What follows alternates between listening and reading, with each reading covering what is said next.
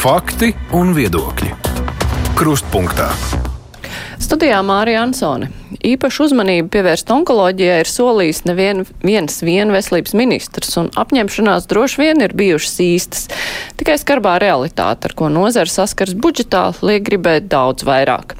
Vēl nesen bijām liecinieki saspringtajām attiecībām starp Rīgas Austrum kliniskās slimnīcas vadību un onkoloģijas centra mediķiem, bet lielākie cietēji šajā stāstā gal galā ir pacienti, kuriem tas ir dzīvības un nāves jautājums. Šodien mūsu studijā ir Onkoloģisko pacientu apvienības Onko alianse dibinātāja Olga Valciņa. Labdien! Labdien!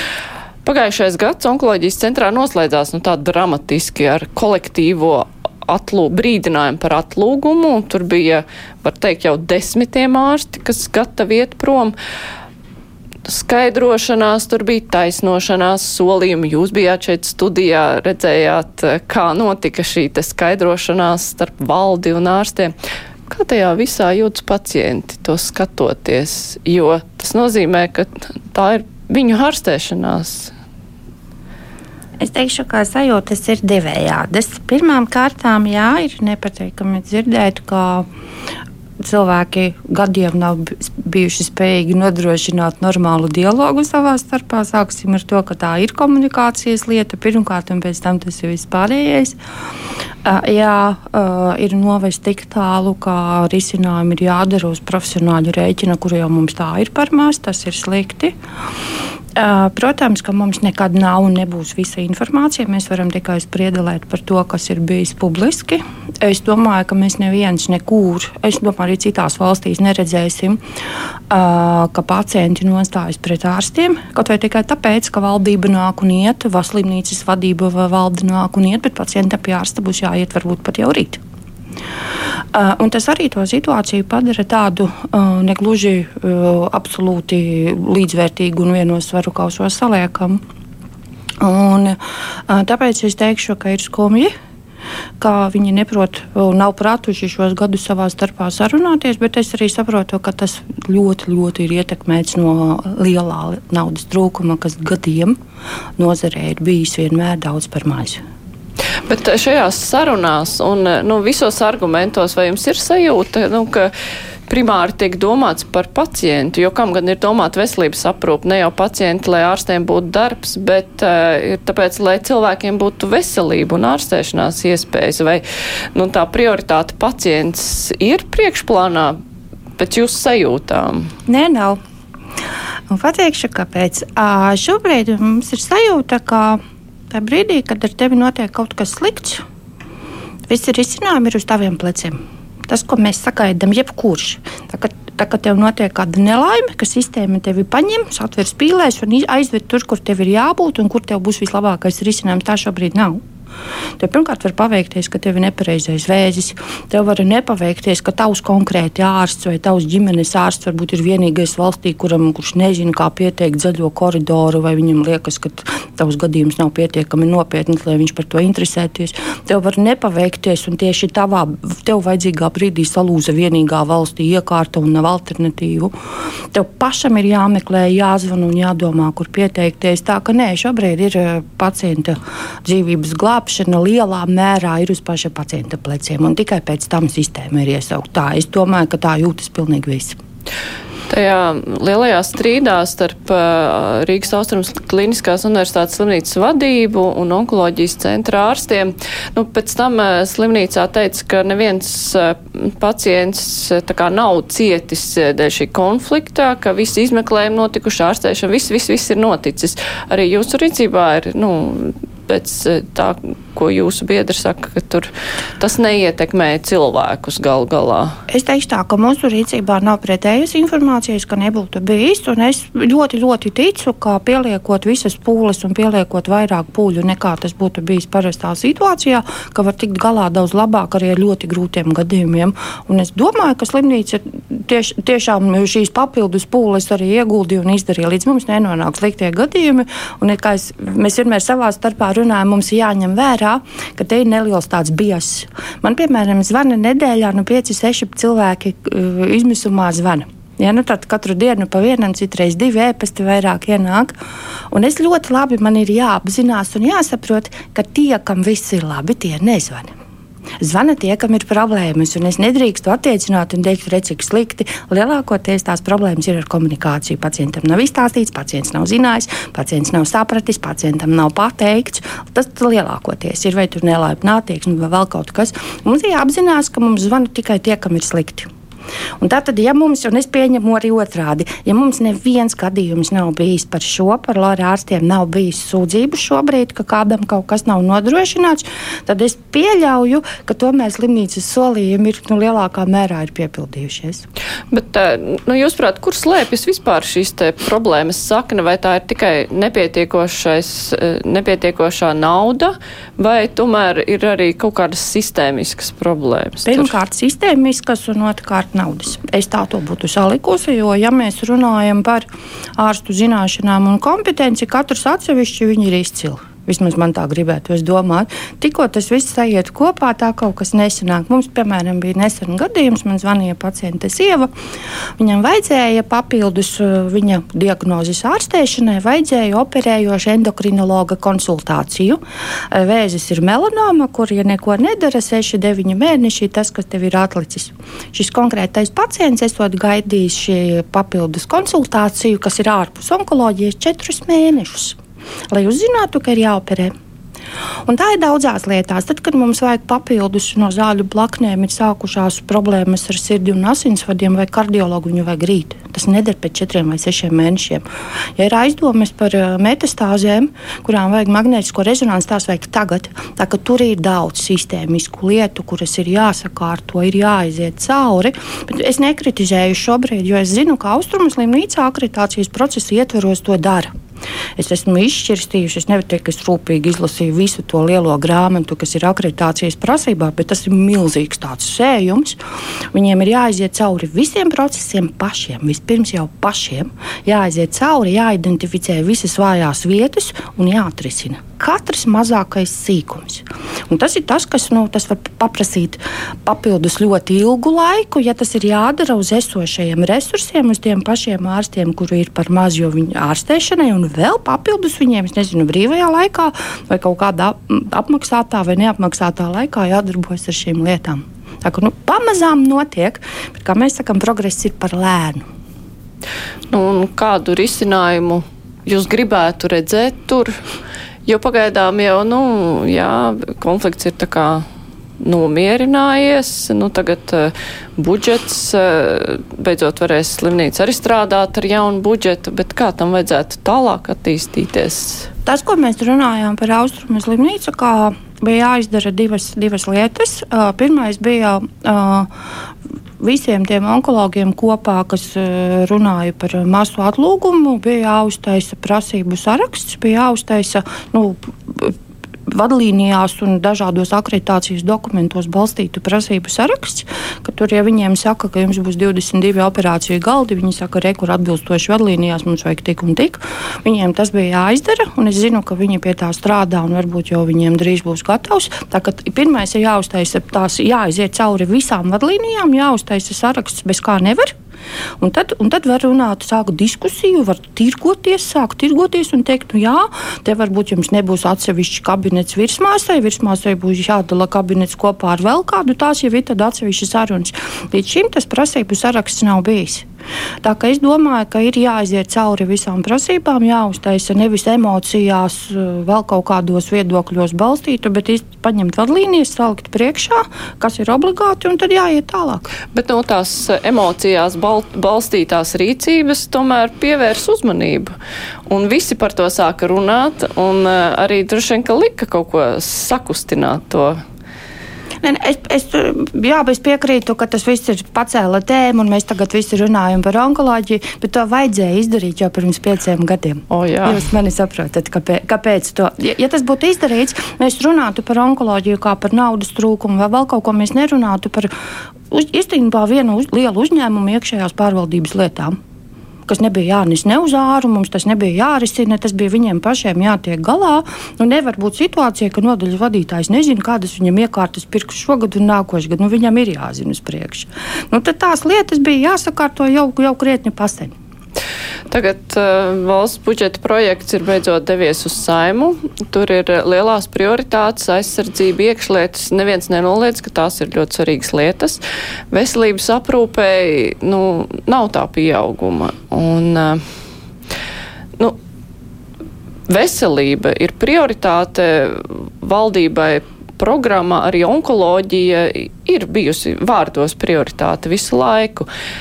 Nu, cik pietrūkst līdz tam, lai tā būtu prioritāte arī darbos, ja to var tā naudas izteiksmē kaut kā pateikt? Gluži naudas izteiksmē es negribu teikt, kaut gan man ir zināms cipars, kas onkoloģijai trūkst, bet mēs jau runājam par kā izskatās kaut kas, kas ir prioritāte. Nu, paņemiet jūsu mājās, eh, jūs gribat aizbraukt šausmīgi dārgā ceļojumā, un jums nav ikdienā tik lielu ienākumu. Jūs visi nolemjiet, ka jā, tā būs mūsu prioritāte. Jūs izlemjiet, no kā jūs attieksieties, lai prioritāti piepildītu rītu jūs sākat krāt, nu kaut ko jūs darat. Un jūs visi zinat, visa māja zina, ka jūs darat, varbūt pat jūsu draugi un kaimiņi zina, ka jūs nebraucat tur mazā kaut kādā naudas tēriņu pasākumā, jo jūs krājat kaut kam lielam. Lielajā budžetā būtu jābūt skaidram tāpat, ka mums ir prioritāte, re, kur mēs par to runājam, re, kur mēs esam izanalizējuši situāciju, kas mums trūkst. To mēs esam izdarījuši. Mums ir onkoplāns, kur visi kopā, ārsti, pacienti, ministrijas ierēģi, iestādes, visi kopā apzinājās, kas trūkst sarēķināja, ka šim konkrēti gadam trūkst eh, mazliet vairāk. Man liekas, ka 101 eh, miljonus ir vajadzīgs klāt. Dabūjām 30. Mm -hmm. Un kā un notiek tā, un, kā notiek tā nu, nošķiršana? Šitam iedosim, šitam neiedosim. Vai jums ir skaidrs, kā, kā tas ir noticis? Kurš tur sēdēja un teica, tā, nu, te ķeksīts, plusiņš, te mīnusiņš? Līdz galam nav. Teorētiski ir šī te pārvaldības grupa, kas runā par onkoloģijas plāna izpildi un uzraudzību, bet līdz šim tur bija tādi vairāk informējoši pasākumi, kur mums pastāstīja, cik tālu ir tur ar vēža reģistru vai vēl kaut ko, bet tāda reāla saruna kas dod vairāk pienesumu cilvēku dzīvībām, būsim godīgi, par to runāts netika. Nevienā no tiem uh, iepriekšējiem pasākumiem, Man liekas, ka bija viens vai divi tikai. Būs tagad martā kaut kad nākošais. Tā kā nē, tāda, tāda atklāta diskusija, saruna un tāda kopīga uh, zināšanās balstīta lēmumu pieņemšana par to, kā pareizāk būtu sadalīt trūkstošo un kuras lietas būtu iespējams atstāt uz nākamajiem periodiem, kad varbūt būs vairāk naudas, par to atbildes nav. Bet, nu, jūs varētu izstāstīt tā tīri praktiski, kas ir tas, kas netiek finansēts līdz ar to, nu, teiksim tā, lai cilvēkiem rodas priekšstats, ka šito mēs apmaksājam, bet šito mēs neapmaksājam, jo tāpēc, ka tas neiekļāvās no tā 101 miljona tajos 30. Kas palika aiz borta? Palika aiz borta ļoti, ļoti daudzas zāles. Sāksim ar to, ka tā no sākuma, kas visvairāk ietekmē tā cilvēka dzīvi, izredzes uz dzīvi, ja viņš jau ir saslimis. Zāles zāles pirmās, kas dod vislielāko ietekmi. Piemēram, jau pieminētajai melanomai, ja neko nedara, 6 līdz 9 mēneši, tas, kas ir atlicis ar brīnumu izņēmumiem, brīnumus mēs zinām, cik bieži notiek. Tātad zāles. Ja mums zālēm ir vajadzīgi, piemēram, apzināti 60 miljoni un mums būs 8, tas nozīmē, ka būs vismaz vairāki desmiti, varbūt pat es gribētu teikt, simti cilvēki, kuri nākošais gads nomirs tikai tāpēc, ka viņi nesaņem zāles, kuras viņiem bija pat pēc mūsu plāna paredzēts. Un jāņem vērā, ka mūsu plāns bija ļoti pieticīgs. Tur nebija tas līmenis, kas jau šobrīd ir Vācijā, Dānijā vai citās valstīs. Tur bija normāls līmenis, ar ko panākt tikai un vienīgi Lietuva un Igaunija. Tur nebija nekāda kosmosa iekšā. Tas ir pirmais, kas glāb dzīvības. Tātad, ja kāds jau ir saslimis, viņam ir zāles. Nākošais ir uh, lielas un nopietnas skrīninga programmas. Skrīnings palīdz izglābt dzīvību tiem, kuri vēl nav slimi, bet var saslimt. Un, ja mēs atklājam agrāk, tad varbūt mums tās zāles nemaz nevajadzēs. Un labs skrīnings var palīdzēt samazināt izdevumus vēža ārstēšanai, jo viņam vienkārši pietiek ar operāciju un nav tālāk ķīmijterapijai nauda vajadzīga. Un, lūk, un, un arī tur mums līdz galam vēl nebūs, jo kas mums ir šobrīd vis, vissliktākie skrīninga atsaucības rezultāti. Mums ir vieni no sliktākajiem atsaucības rezultātiem uz skrīningu, pat par krūtsvēzi, kur ir ļoti, ļoti vienkārši. Un, tā ir trešā māsa ģimenes ārstu praksēs. Tie ir dati, jo ģimenes ārstu praksēs viņi pat neredz, kam ir aizgājusi vēstule, kam nav, vai viņš ir bijis vai viņš nav bijis. Tā trešā māsa vai vienalga, vai viņu sauc par māsu vai cilvēku bez medicīniskās izglītības, kurš varētu apzvanīt visus praksē esošos atbilstošos cilvēkus, ko darīt. Tas ir kaut vai tāda papildus lieta. Viņa gan nebija onkoplānā paredzēta, bet eh, ģimenes ārsti ir tie, kas varētu ļoti būtiski ietekmēt skrīninga rezultātus. Tā ka faktiski uh, mums nav līdz galam uh, apzināti visi pasākumi, ar kuriem palielināt skrīningu, bet mērķis jau nav pats skrīnings. Mērķis ir panākt, ka mēs vēzi atklājam agrākā stadijā. Mēs atklājam vēzi vēlāk nekā, nekā vidēji Eiropā, un attiecīgi mums ārstēšana arī rezultātā ir dārgāka, un tam mums nav naudas. Bet, nu, labi, jūs minējāt zāles melanomai, bet ir vēl zāles eh, citai, citiem vēža veidiem, kurus arī varētu apmaksāt, bet neapmaksā, kas jā, jā. bija tur iekšā. Jā, jā, jā. Nē, nē, nē. Melanoma bija tikai piemērs, un patiesībā melanomai šobrīd kā reiz zāles ir, mums ir daudz vēža veidu, kuriem nav vispār nekādu zāļu. Jums, piemēram, var paveikt. Bet būtu pieejamas. Jā, jā? jā, viņas pasaulē ir pieejamas. Viņas ir pieejamas varbūt pat Lietuvā un Igaunijā, bet ne pie mums. Mēs runājam par pieejamām valsts apmaksātām. Ja? Nopirkt jau jūs, ja jums ir nauda, varat kaut visu balto pasauli. Bet, piemēram, Lietuvā, Igaunijā ir apmaksātas, Latvijā nav apmaksātas. Kaut vai tas ir olnīcu vēzis, kaut vai trīskāršs negatīvs krūts vēzis. Un tur mēs jau, var teikt, šķirojam pacientus pēc tā, kāda ģenētiskā tipa vēzis viņiem ir vai kāda nosaukuma vēzis. Un ir audzēji, kuriem mums ir zāles, un kaut kādam noteiktam apakštipam, arī plaušu vēzim, lielākajai daļai audzēji mums nav visu zāļu vajadzīgo. Tā, tas nav tā, e, mums ir tāda mānīga sajūta, ka mums ir daudz, jo jums jau rekur iedeva 20 vai 50 miljonus. Nē, tā nav. Mums ir daudz valnīcu vēža pacientu, sieviešu, kurām nav vispār zāļu. Nekādu viņām valsts neapmaksā konkrētajā situācijā. Ja sievietei nepaveicas ar trīskāršu negatīvu krūts vēzi, viņiem tur dalās atkarībā no tipiem, tad var gadīties, ka vienā palātā pēc operācijas sēdēs sievietes, viena, kurai būs zāles un kura dzīvos, un otra, kurai nav nekā, viņai neapmaksā valsts pilnīgi neko. Tāpat var būt plaušu vēzim, jā, ka jums nesakrīt tie apakštipi, un jums vajag tādas zāles, kuras ir iekļautas starptautiskās vadlīnijās, un kuras Latvija neatmaksā, jo mums, jo mums budžetā tam nav paredzēts naudas. Bet tā nauda, kas ir piešķirta medikamentiem, tā tiek pilnībā iztērēta. Kā tas tiek jau tā uzreiz sadalīts, ka tādas un tādas zāles mēs iepērkam tik un tik, varbūt to neiztērē, ko varētu no, nevar, novirzīt kādam citam. Kā tas vispār tiek dalīts? Pirmkārt, pirmkārt jāsaka, ka tie līgumi ir slepeni un mēs tās reālās cenas un izmaksas neviens nezinām. Tā ir vēl viena tāda liela enigma.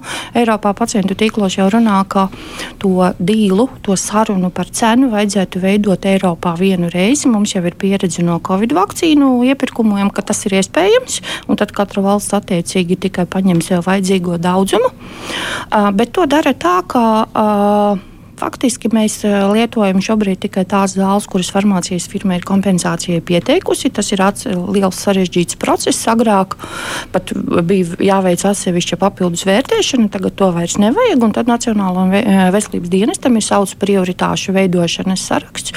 Tur eh, viņi jautā viedokli arī ārstiem, arī mums ir kādreiz jautājuši viedokli, ko tad vajag vairāk. Tas, kas tur trūkst, ir tāds veselības ekonomikā un vērtībās balstīts ap, aprēķins aprēķinu modelis, jo ir ļoti grūti kādam, kuram jautā, nu, ko mums vajag izvēlēties un ko tā, kam mēs dosim. Jo te faktiski tev sanāk tāda dieva loma, ka šim vēzim iedosim naudu, un šis paliks aiz bortai, tāpēc, ka tur ir maz pacientu. Kaut vai piemēram, uh, Tam tā nebūtu. Protams, ka jābūt tiem kritērijiem, būtu jābūt skaidriem un caurspīdīgiem, un tādiem žēl nav šobrīd. Tas ir vēl viens sāpīgs elements. Tur katru gadu mēģina kaut ko padarīt caurspīdīgu, bet pagaidām bez īpašiem rezultātiem. Bet eh, nu, es iedomājos tā mazliet utopiski, vai ir iespējama tāda sistēma, ka vienkārši nu, ir cilvēks, eh, kurš ir saslimis, un viņam, nu, pieņemsim, varbūt eh, nu, ne tās pašas dārgākās zāles, bet nu, kuras eh, vairāk vai mazāk Eiropā apmaksā, ka vienkārši nedala ka mēs apmaksājam šo, šo, šo, šo medikamentu, bet mēs ārstējam šo, šo, šo, šo diagnozi.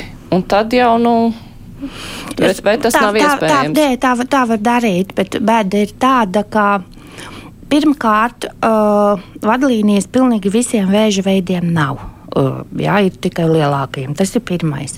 Otrkārt, mums nav arī pilnīgi visa ģenētiskā testēšana vēl pieejama. Tas ir, tas ir otrs elements. Jā. Ja mēs runājam jau par precīzijas vai personalizēto medicīnu, var gadīties, ka jums vispiemērotākais ir medikaments, kuru visi iesaka lietot, bet viņam vēl nav klīniskajā pētījumā vai kaut kur bijis skaidri norādīts, un viņš nav izvērtēts. Tur var būt kaut kādas birokrātiskas nianses. Tas, kas mums Latvijā nav, mums trūkst pār pārskata kādas tāda liela atvērta faila, kurā varētu redzēt, kādas zāles šobrīd pasaulē lieto, kas ir vadlīnijās iekļautas. Paņemsim plaušu vēzi, tāds ļoti komplicēts, daudz pakāpju ar dažādiem algoritmiskiem risinājumiem audzējs. Uh, paņ, nu, kā piemēru, paņem, kur ir daudzas zāles varianti iespējami, un tad paņemam to pašu plaušu vēzi, salīdzinām, cik viņam vispār ir medikamenti šobrīd vadlīnijās iekļauti, pirmā, otrā līnija. Uh, paskatāmies, kas ir atmaksāts apmaksāts Lietuvā, Igaunijā un kas ir Latvijā, un kas mums būtu tas, kas, kas mums būtu jāiekļaut. Tad šāda pārskata dokumenta nav. Viss notiek individuāli pēc zāļu nosaukumiem, un mēs neviens, nu, izņemot tie, kas uh, ir ļoti, ļoti dziļi iekšā, neredzam visu to pārskata sistēmu. Mums nav tādas caurspīdīgas sistēmas, mēs pat nezinām uh, visu, kas mums trūkst. Mēs esam mēģinājuši savu galu. Tas ir uh, katram, tad, kurš, kurš to grib izdarīt, ir jāburās cauri cauri visām vadlīnijām, jāburās cauri kompensējumu zāļu sarakstam. Jo, ja jūs jautāsiet, piemēram, farmācijas firmām, viņi zinās par savām zālēm, ja jūs jautāsiet ārstiem, viņi zinās par to daļu, kuru viņi izmanto konkrē, konkrēti viņš, un, uh, un neredzēsim visu to lielo kopumu. Es domāju, ka tas ir tas, kas mums trūkst vairāk par visu. Tā, tāds liels pārskata dokuments pa audzējiem, pa vadlīnijām, par to, kas vajadzīgs un kas trūkst. Ieskaitot tehnoloģijas, ne tikai zāles. Bet, nu, ja cilvēks ir pats aktīvs un uh, gatavs cīnīties, vai viņa radinieki ir aktīvi un gatavi cīnīties, viņi var izurpties cauri visam, uzzināt, kuras zāles ir tās labākās, secināt, ka, nu, labi, vai nu apmaksā vai neapmaksā, bet vismaz zina cilvēki, kuri, nu, nespēja to izdarīt, viņus taču ārstē ar kaut ko. Jā, jā, ja ir atmaksāts, ja nē, tad nē. Bet vai var būt tā, ka vēža diagnoze ir un vienkārši nekādas zāles cilvēkam? Tādas, tāda, tādas diagnozes arī ir, kurām nav zāļu apmaksātu. Tā var būt. Un jāsaprot, um, ir, ir jāsaprot divas lietas. Es agrāk, pirms es saskāros ar vēzi, mēs neviens nepiedzimstam ar domu, ka mēs būsim pacientu aizstāvji. Es agrāk arī domāju, ka jā, mēs ārstējam visu. Vienkārši ir daži vēži, kuriem mēs lietojam kaut ko tādu, nu, kas pacientiem nepatīk. Tāpēc, ka māte izkarīta, tāpēc, ka ir nelabi vai vēl kaut kas. Nē, tā nav. Man vieglāk ir par melanomu runāt, jo tas ir mans vēzis. Tad, kad es 2017. gadā uzzināju par savu diagnozi, pirmais, ko es izdarīju, atvēru vadlīnijas un sapratu, ka mums nav pilnīgi nekas tajā brīdī atmaksāts, kas, kas melanoma ir ierakstīts vadlīnijās. Un kur ir starpība? Mums bija vecais dakarbazīns, mums bija interferons pieejams, bet uh, tas pats interferons palīdz 0,4 vai 5 līdz uh, ļoti minimālam skaistam pacientam, kam vispār šīs zāles ir palīdzējušas. Jaunās zāles šobrīd mēs zinām, ka mēs varam izglābt pusi pacientu. Ir starpība. Mm -hmm. Tas ir tas, par ko mēs runājam. Ja vecās zāles deva mēnešus, dažus vai pat nedēļas gadījumos jums dod zāles, jums stāsta, ka jums ārstē, bet jau klīniskajos pētījumos par šīm zālēm bija zināms, ka jūs dabūsiet klāt divus, trīs mēnešus vai sešus. Tad šobrīd mēs runājam par gadiem. Mēs runājam par to, ka tie cilvēki, piemēram, tās pašas imunterapijas, kas ir melanomē, pēc diviem gadiem viņš nokāpj no zālēm, viņš skaitās brīvs no vēža, citiem dzimst bērni pēc ceturtās stadijas. Viņi visi atgriežas darbā, tie, kuri ir darbspējīgā vecumā. Tas ir tas, par ko mēs šobrīd runājam saistībā ar vēzi. Nu, ko dara cilvēki, kuri ir gatavi cīnīties, bet tas nav atmaksāts? Cik tas maksā, lai ietu meklētu zāles citās valstīs, nu, protams, maksātu pašam? Zāles var uh, nopirkt uh, arī Latvijā, var nopirkt un pasūtīt, un viņas Latvijā iešpricēs. Atkarīgs ir no medikamenta. Jārēķinās ir lielākoties sākot no 50 tūkstošiem gadā uz cilvēku. Ir pat 100-120 tūkstoši ir kombinētā terapija vajadzīga. Uh, ir vairāki varianti. Pirmais var mēģināt iekļūt klīniskā pētījuma programmā, kur šīs zāles tiek izmēģinātas kombinācijā vai no nu kaut kādām citām jaunākām zālēm, vai pat vēl kaut kas jaunāks tiek, tiek izmēģināts. Bēda tāda, ka mūsu reģionā šo klīnisko pētījumu nav, un tā ir. Uh, ne tikai, ne tikai tāda vaina, ka farmācijas kompānijas vienkārši negrib mūsu reģionā, bet, eh, cik es saprotu, tiek runāts arī par finansiālo caurspīdību, par tehnoloģiju uzticamību, nu, kas mums ir saistībā ar to. Tas ir vien, viens veids. Uh, otrs veids ir vākt naudu pašiem. Uh, arī, arī šeit pacientu organizācijas mēdz palīdzēt. Un trešais veids ir agrīnās piekļuves programmas. Un, uh, arī šeit mums ir problēmas Latvijā. Acis melanomai, kura faktiski neārstējama arī ar visiem esošajiem medikamentiem. Uh, Eiropā pagājušā gadā bija liela intensīva agrīnās piekļuves programma. Un uh, Latvijā līdz pacientiem viņa nenonāca. Farmācijas firma mūsu reģionā nemaz nepiedāvāja, bet tā ir reāla iespēja izdzīvot. Tā nav tā, ka tikai ir jābrauc un jāpērk ārzemēs, ir jāapzina visi iespējamie varianti. Un tad lētāk ir varbūt izbraukt uz Poliju, kur ir tuvākie klīniskie pētījumi pieejami. Bet nu, tad arī ideālā variantā mēs skaidri zinām, ka zāles nav šogad, bet varbūt būs nākamgad vai aiznākamgad. Tad tu zini kaut kādu periodu, kuram tev ir jāsavelk jostas vai kaut kas jāizdara. Lielākā mūsdienu problēma problēma šeit Latvijā attiecībā uz zālēm vai uz jauniem pakalpojumiem. Mēs nezinām, kad būs. Nav šogad, nebūs nākamais gads, un nebūs arī aiznākamā gada. Tieši tāpēc mēs runājam, ka mēs gribam onkoloģijas plānu nevis trim, bet desmit gadiem, lai mums ir skaidrība. Mēs gribam budžeta līmenī saprast, ka tā ir prioritāte. Ja mēs esam apsēdušies, izrunājuši, ka vajag, ja mēs esam apzinājuši, cik mums vajag tam mūsu dārgajam ceļojumam, vienalga kam, tad mēs liekam klāt to budžetu un sakam, jā, viņu vajag. Bet nu, šo iespēju meklēšana arī ir tas, ar ko jūsu organizācija palīdz cilvēkiem, kuri vēršas pie jums. Jā, uh, Onko alianse Ikdienā mēs nenodarbojamies ar eh, tiešo atbalstu kā, kā organizācija apvienība. Katra no mūsu organizācijām atsevišķi mums ir eh, vairākas. Daļa no mums sniedz tiešo atbalstu, bet mūsu kopējais uzdevums ir tā saucamā pierādījumos balstītā pacientu aizstāvība, kad mēs runājam gan par eh, jaunu zinātņu, zinātnisko kaut kādu projektu attīstību, mēs mēģinam iesaistīties gan projektos, gan starptautiskā līmenī. Un otra lieta, mēs ejam cauri vadlīnijām lietām, salīdzinām ar reāliem pacientu gadījumiem un skatāmies, ko var uzlabot. Tad ejam runāt ar tiem, kuru varā ir uzlabot. Nu, ka, piemēram, mums par melanomu runājot, bija patoloģijas ziņojumi bija tādi, kas pat ietekmēja nepareizi stadiju. Un, ja ir nepareiza stadija, tad arī nepienākas pēckons pa brīvu, nepienākas adjuvantā terapija. Sakārtojot šo daļu, uzreiz pacientiem uzlabojas piekļuve ārstēšanai un diagnostika. Un tā visiem, visam cauri ej, soli pa solim izēj cauri. Tas pats, ko šobrīd dara Austrumu slimnīcu akreditācijas procesā. Tikai mēs to darām no savas skatu punkta. Bet, ja cilvēki saskaras individuāli ar problēmām, kur viņi un, teiksim, nu, kaut kādu neizpratni, nu, nav tās komunikācijas ar ārstu, tad kur viņi var iet un vērsties? Ir organizācija kāda, kaut vai ziedojumi jāsāk vākt, ja ir vajadzīga nauda.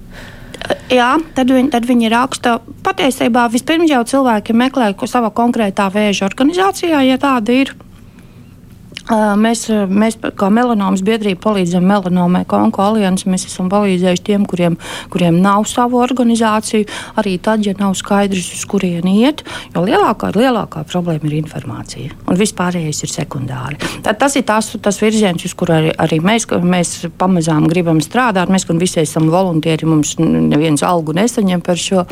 Un tā, tās lietas, uz, uz kurām ir jāvirzās, kur, kur jāsakārto pacientam pie pirmajām aizdomām būtu jāzina, uz kurien iet meklēt informāciju. Pacientam ārstēšanas sākumā būtu jāsaņem uz rokas tā saucamais pacienta ceļš, kurā viņš gan skaidri redz, kas ar viņu tiks darīts. Viņš redz arī aptuvenos termiņus. Nekad nevar iekalt akmenī, jo mēs zinām, ka dzīves organisms ir dzīves organisms, visādas papildus lietas var būt vajadzīgas.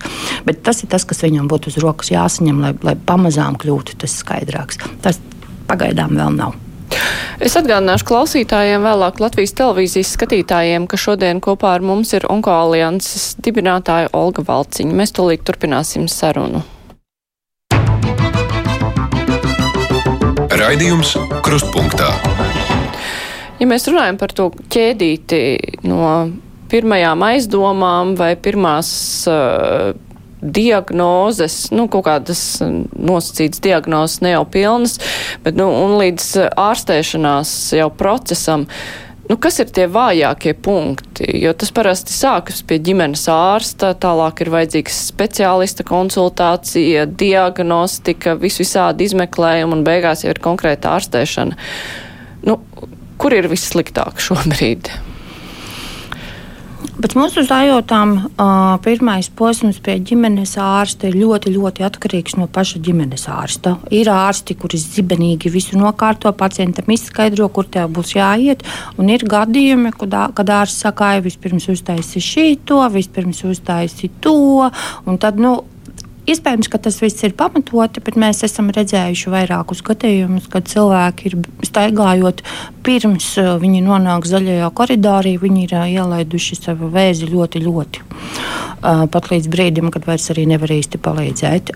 Un es teiktu, ka tā iekļūšana zaļajā koridorā būtu vispirmām kārtām jāsāk runāt vairāk ar ģimenes ārstiem.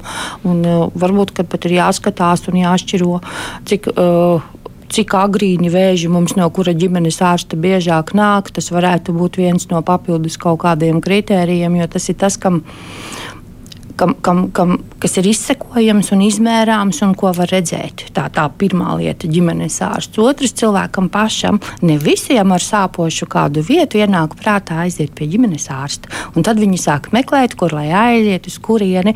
Mums ir jāpanāk, ka pirmais ārsts, pie kura cilvēks pie jebkurām aizdomām aiziet, ir ģimenes ārsts. Tā diemžēl arī nav, nav visur. Otrs ir ļoti vienkārša lieta - cilvēkam nav naudas.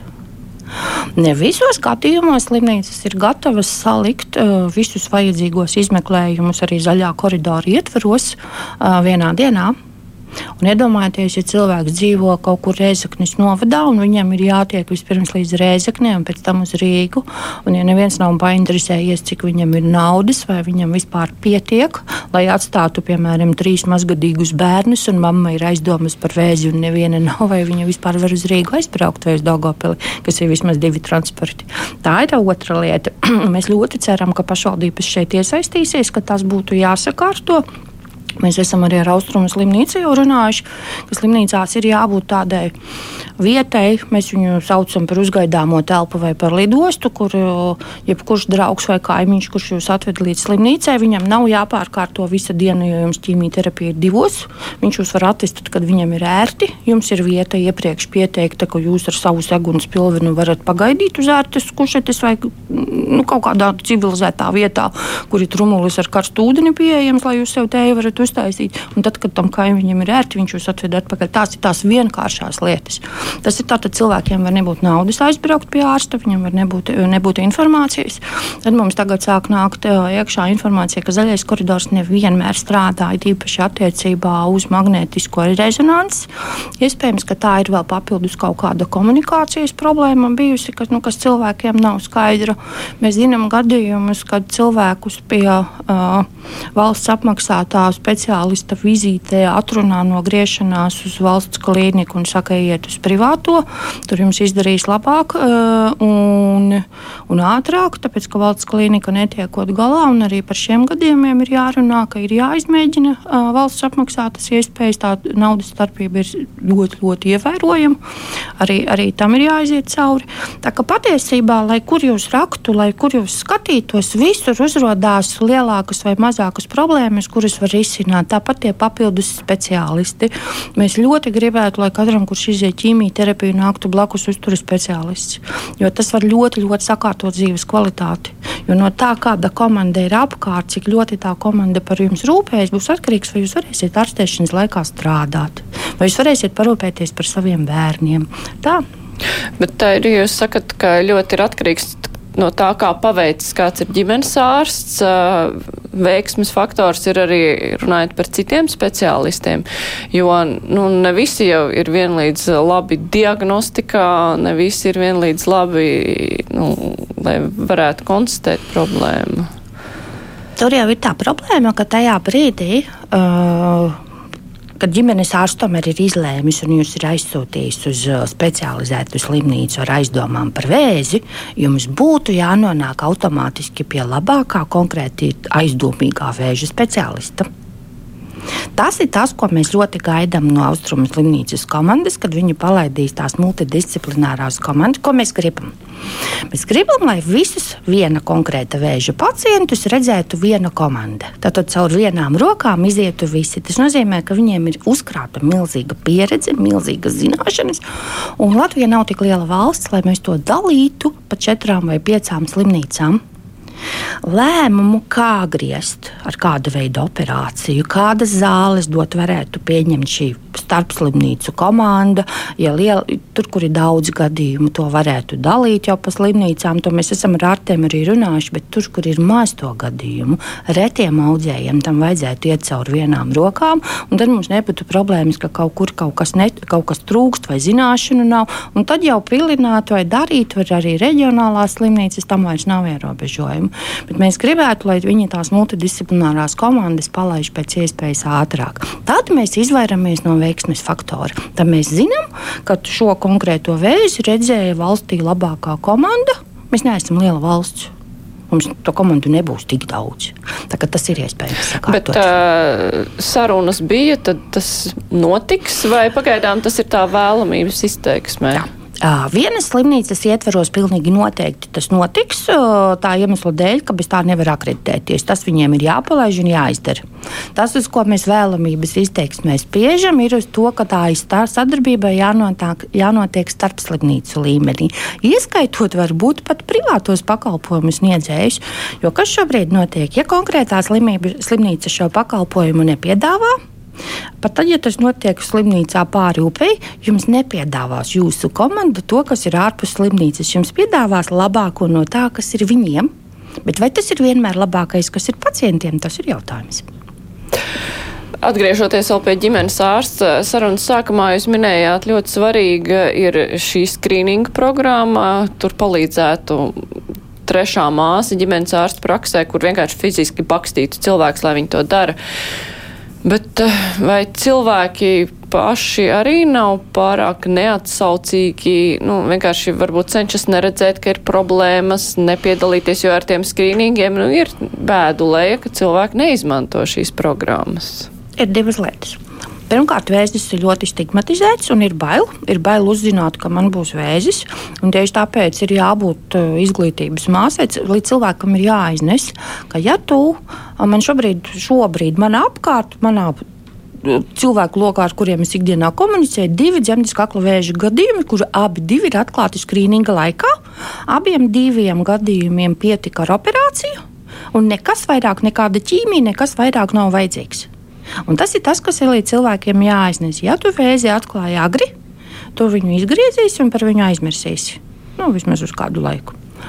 Ja tu ievilksi, ja tu neiesi, ja tu bēgsi, tev vajadzēs ne tikai šo vienu operāciju, tev vajadzēs smago ķīmiju, varbūt tev vajadzēs zāles, kuras tev valsts neapmaksā, un tu vai nu pārdosi māju, un beigās varbūt tāpat nomirs, vai nu, vai nu samierināsies un dusmīgs uz visu pasauli nomirs, tāpēc, ka tev valsts neapmaksā uh, tev vajadzīgās zāles. Tas līdz cilvēkiem ir jāiznes. Bet ir tāda, ka tik viennozīmīgi, kā es tikko pateicu, nedrīkst teikt, tāpēc, ka arī skrīnings nav panacēja. Ne visiem vēžiem ir pieejams skrīnings. Ne visiem audzējiem arī tas viss notiek tik klasiski, tā, ka tas ir uzreiz šādi redzams. Tā kā vainot vienmēr cilvēkus, ka viņi paši ir vainīgi, par to šobrīd ar vien vairāk un vairāk runā. Pat runā par vārdu izvēli sarunās ar pacientu, ka nedrīkstot teikt kādas jums sūdzības, ka tas ir negatīvisms, nu daudzas lietas. Pacientu vainošana šobrīd ir ļoti, ļoti izteikta, un cilvēkiem ir bailiet, viņiem liekas, ka vainos viņus. Un mums ir jāmeklē vidusceļš, mums jātiek vaļā no stigmas, tā ka tur ir ļoti daudz darāmā. Tas nebūtu jādara tikai un vienīgi ārstiem. Bet uh, vai tās cilvēku bailes saskarties ar šo, šīs diagnozes realitāti arī nu, daļēji nav meklējums tur, nu, ka nu, nav bijusi laba pieredze komunikācijā ar ārstiem. Nu, cik nav dzirdēt gadījumu ārsts pasaka diagnozi un tad staigā un domā pats, nu, ka nav sarunas, nav tā mierinošā, nav tās cerības, bet uh, ārsts ir kaut ko noskaldījis. Un tā kā pieredze tāda ir vienam, otram, trešajam, tad cilvēki sāk vienkārši instinktīvi izvairīties no šādas diagnozes iespējams uzzināšanas. Tā komunikācija vai šobrīd uh, ārstu sabiedrībā tiek strādāts pie šīs komunikācijas, vai jaunajiem ir labāk šai ziņā nekā vecajiem, lai gan arī tā nevar teikt, jo ir daudzi pieredzējuši ārsti, kuriem ir izcila komunikācija ar pacientu, kuri māk runāt, nomierināt un visu. Zin, kā ir? Uh, tad, kad man zvana, visbiežāk jau zvana tie, kam ir bijis slikta ar komunikāciju. Un, uh, Vienu brīdi es ievācu informāciju, domāju, ārprāts par šo ārstu ir tik daudz uh, sūdzību, pie viņa noteikti nevar iet. Pēc tam es satieku, satieku cilvēku, un es jau tagad apzināti prasu, kas bija tavs ārsts, kā tev gāja.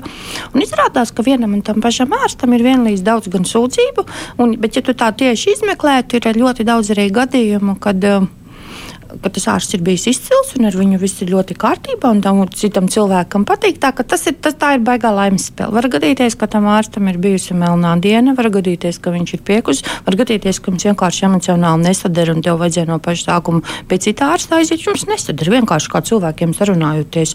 Tas, tas tā var gadīties dzīvē, bet komunikācijas patiesībā problēmas ir nopietnas. Mums par to ir jādomā. Ārsti, es varētu, viņu, varētu viņus vainot, bet zinot, zinot, cik viņiem ir dienā pat paredzēts pacientu un cik viņiem tas stundās ir jāizdara, un cik milzīgi vēl papīru kalnī jāsapilda, kurus varētu kaut kādas sekretārus pildīt vairākus uz, uz, vien, uz vairākiem ārstiem, viena sekretāri. Man negribas teikt, ka tikai un vienīgi ārsti ir pie vainas. Tur ir sistēmiska lieta, kāpēc viņiem nav laika sarunāties. Un otra bēdīgā lieta attiecībā uz komunikāciju, kas uzspēlēt šobrīd ar vien vairāk, tad, kad ārsts ir izsmēlis visas oficiālās iespējas, vai nu viņam nav emocionālā resursa cilvēkam ar ļoti lielu empātiju un cieņu un godīgumu visu izstāstīt, kas viņu sagaida. Man ir bijuši vairāk gadījumi, kad pacientam pasaka, man pateica, vairāk pie manis nenākt. Nu, vienkārši tā pateica, ka no, nu, es tev vairs nevaru palīdzēt. Un cilvēkam līdz galam nav izskaidrots, kas viņu gaida turklāt. Un te man jāslavē ir jūs Latvijas radio par, pacel, par palietībās aprūpas problēmas pacelšanu savā pirms kaut kāda perioda jums bija liela akcija. To, to visi pamanīja. Tā ir, tā ir otra lielā bedīgā problēma, kas saistīta ar vēža stigmu. Es neesmu redzējis nevienu, kurš baidītos nomirt. Tādu nav nu, manā lokā nav. Visiem ir bail zaudēt cieņu, visiem ir bail, ka sāpēs, visiem ir bail, ka tas būs jādara vienam un briesmīgos apstākļos. Un, ja šī lieta būtu sakārtota, mēs vēl pavirzītos uz priekšu cīņā ar vēzi. Ja mēs zinām, ka tu vari nomirt cieņpilni, tad tu arī tad tu, tad tu esi drošs. Ka, ja pat ja tevi neārstēs, tu vismaz ar godu nomirsi kaut kādu robu šajā komunikācijas trūkumā, taču tā ceļa karte arī varētu aizpildīt. Nu, ja tam ārstam varbūt nav laika izskaidrot, ka viņam jāiet tur, tur, tur, tur, nu, tad to taču var kaut kā rakstveidā nu, uztaisīt kaut kādu algoritmu Kāpēc tas nav izdarīts līdz šim? To pie tā šobrīd strādā arī tā ir obligāta akreditācijas prasība. Vismaz tajā vienā slimnīcā ceļa kartes būs. Kāpēc nav izdarīts līdz šim, man, man nav atbildes, bet es arī tieši tāpat domāju, ka viņu vienkārši ir par maz. Uh, tas, kas šobrīd notiek ar komunikāciju, visā pasaulē to nedara tikai ārsts. Pirmkārt, ir pacientiem uz diagnožu grupām pieejami tā saucamie koordinatori. Arī Latvijā, ja nemaldos, dažas štata vietas ir iedotas, kuri nevar un nevar atrast uh, cilvēku, kurš to darīs. Koordinators ir tas, kurš ir pirmais, pie kā pacients iesaka, klau, man starp ķīmijterapijām ir problēmas, ko man tagad darīt, un koordinators palīdz izdomāt. Viņš koordinē pierakstu, viņš mēģina salikt, lai tas Reizeknis novada cilvēks tiek vienā dienā visu izdarīt, nevis katru dienu pa drusciņai. Tas ir viens. Otrs ir onkoloģijas tā saucamās izglītības māsas, kuru pienākums pēc ārsta vizītes ir pārtvert pacientu un visu viņam izstāstīt, atbildēt uz visu viņa un tuvinieku jautājumiem. Un tad ir drukātā informācija, kurai būtu jābūt, un ar to mums ir milzīga bēdu leja. Es runāju šobrīd par informācijas kvalitāti. Tur ir teikšu, teikšu tā, tas ir milzīgs apkaunojums, ko mēs dalām cilvēkiem uz rokām. Mēs dal, dalām nepilnīgu informāciju, bez atsaucēm, neizsekojumu, nevar saprast, kad ir izstrādāts, balstoties uz kādām vadlīnijām. Un, ja mēs runājam par to, ka izglītots pacients dzīvo ilgāk un labāk, un tā ir absolūta taisnība, tad šai informācijai, drukātajai, ko mēs dalām vai publicējam interneta lapās vai sociālajos tīklos, tad tā informācijas kvalitātei var būt milzīga ietekme. Bet, nu, cilvēks jau arī nevienmēr attopas ārstam pavaicāt visu. vai ir nu, kaut kādi gadījumi jūs redzeslokā nonākuši, ka cilvēkam kaut kas pienākās viņam varētu būt kaut kāds variants, ko viņš var izmantot. Viņš vienkārši nav iedomājies par to pavaicāt, un viņam neviens arī to nepastāsta. Tā arī, tā arī visbiežāk notiek. Es ļoti labi atceros savu, savu vizīti pie ārsta, kas ilga trīs minūtes. Ja tev nav jautājumu, pacientam neienāk prātā pajautāt, ārstam neienāk prātā pastāstīt. Arī nevis tāpēc, ka viņš ir ļauns un negrib stāstīt, tāpēc, ka viņam fiziski nav laika, viņam vēl 30 cilvēki aiz durvīm gaida. Bet tā ir taisnība. Tā, tas, tas, ko dara mēs kā pacientu organizācija informāciju stāstam, kur meklēt informāciju, kur lasīt, kas ir uzticama informācija, kā atšķirt viltus ziņas veselības jomā no, no uzticamām ziņām. Uh, tas ir, tas ir viens liels darbs. Bet tas būtu jādara uh, tā skaitā arī centralizēti. Diagnozi saņemot, ir jāsaņem informācija. Bet es gribu aicināt cilvēkus iet vienmēr uz ārsta vizīti kopā ar tuvinieku tas, cik daudz pie mums, pie ārsta, arī slimnīcās ir vienu cilvēku, kuriem neviens nav līdzi, tas ir. Uh, es negribu teikt, apkaunojams mums kā visiem kopā, bet mēs ļoti maz viens otru atbalstam. Es izstāstīšu par gadījumu, kur es sajūtos slikti. Manai kolēģei tā bija nesena uh, operācija. Un, uh, Viņai divi pieauguši bērni ar mašīnām, un man kaut kā likās, ka viss būs kārtībā. Un es viņai pēc tam, kaut kad viņa jau darbā jau ir iznākusi, jau es saku, nu, kā tu toreiz tiki mājās? Viņa saka, nu, bērniem bija daudz darba. Operācija tātad notiek dienas stacionārā un vakarā jau. Un viņa saka, jā, un es vakarā ar vairākiem transportiem aizbraucu uz mājām. Pēc nopietnas diezgan operācijas, bet no acīm redzot. Man neienāca prātā viņai piedāvāt, eh, ka es viņu varētu aizvest. Turklāt man, bija, nu, man jāizbrauc līdz slimnīcai, bet tālāk pa ceļam, mums nevienam neienāca prātā piedāvāt palīdzību pa pavaicāt ir grūti un piedāvāt arī acīm redzot ir grūti. Pirms klausītājs uh, vaicā, vai kaut kur ir pieejama informācija, nu ko katram individam darīt, lai pēc iespējas ātrāk noteikti agrīnus audzē gadījums. Nu, tas, par ko mēs runājam pirms tam, jo viņam ir radusies sajūta, ka nevar paļauties uz ģimenes ārstu, ka tur būs visas vajadzīgās pārbaudas. Un uh, droši vien, ka lēkāt no ģimenes ārstu uz ģimenes ārstu arī nav, nu, liederīgi. Vai cilvēkiem var kaut ko ieteikt, nu, ar ko tad sākt? Jo tas, eh, kur jūs bijāt ātrāk, arī cits klausītājs norāda, nu, tas ir tas standarts, kas bieži tiek dzirdēts no doktoriem Kur jūs bijāt ātrāk? Tas ir milzīgs jā, jautājums, kur jūs bijāt ātrāk. Ir tipiska un klasiska pacientu vainošana, no kuras būtu jātiek vaļā. Tas ir iemesls, kāpēc pacienti vispār pie ārsta neiet. Bet es teikšu, tā nav vēršana. Ja jums ir sajūta, ka ģimenes ārstam jūs nevarat uzticēties savam, varbūt tā ir subjektīva sajūta, un viņš ir ļoti labs, bet nu, jums ir sajūta, ir jāmaina ārsts un jāatrod tāds, Laukos pie kura jūs... tā ir milzīga Laukos problēma. tā ir milzīga problēma, es zinu, bet nu, tas, ko var darīt. Uh, ir ārstniecības iestādes, kurās ir maksas ģimenes ārsti, terapeiti. Droši vien tad ir jāizmanto viņa pakalpojumi, jānoskaidro visu, kas man jādara. Pēc tam jāiet atpakaļ pie sava ģimenes ārsta un jāsaka, lūdzu, uztaisi man šādus norīkojumus. Nu, nav jau variantu, lai, lai nav jāmaksā. Un, nu, tad, nu, tad tā ir jādara. Bet nu, ir kaut kāds tāds nu, klasiskais algoritms, jo tur cilvēki var arī iet pilnīgās galējībās, visu laiku skriet kaut ko pārbaudīt un nelikties vispār nezinis. Kaut kāds veselīgais algoritms, nu, lai cilvēkiem nevarētu būt, ka viņi vispār nedomā par veselību, bet arī nu, nav tā. Uh. Es zinu, ka ģimenes ārstiem ir savi ķekši, kas ir katram vecumam atbilstoši ir jāizdara. Tas, kas cilvēkam ir jāatcerās, ka reizi gadā pie sava eh, ģimenes ārsta ir jāaiziet, reizi gadā ir jāaiziet pie ginekologa, ja, ja noteiktā vecumā vīriešiem ir pie urologa jāsāk piestaigāt, un ir, eh, tās ir pamatlietas, kas ir jādara. Un otrs ir, eh, ja kaut kas sāp, nevajag domāt, ka viņš rīt pāries tas, tas ir īstenībā vislielākais. Jo tie vēži, kurus mēs varam noskrīnēt, tie vēži, kurus var noķert ar kaut kādām pārbaudēm, tos var noķert ejot pie ģimenes ārsta. Bet vēl biežāk ir, un es esmu redzējis pētījumus, ka vīrieši aizdomas, ja tik ļoti nesāp, atliek pat līdz 6, 9 mēnešiem. Kādam agresīvam vēzim tas var būt ceļš no 1 uz 4 stadiju. Ja sāp, ja, aiz, nu, ja kaut kas ir jocīgs, ej pie ārsta. Mm -hmm. Bet, nu, tas jau droši vien arī sakņojās tajā, nu, es nezinu, ir tāda viena paudze, nu, kas kādreiz negāja īpaši padomu laikā pie ārstiem, tāpēc, ka bija, nu, tik slikta komunikācija, tik slikta slava īpaši kaut kur reģionos, ka vienkārši pārstājas turieniet. Nu, ir kaut kā tā vispārēji jāmēģina uzlabot tas uh, savstarpējās uzticēšanās klimats. Kā gan to paveikt? Pirmām kārtām jāsaka tā, ka nevar iet uh, ne pie viena speciālista, ne tikai ārsta, arī pie cita.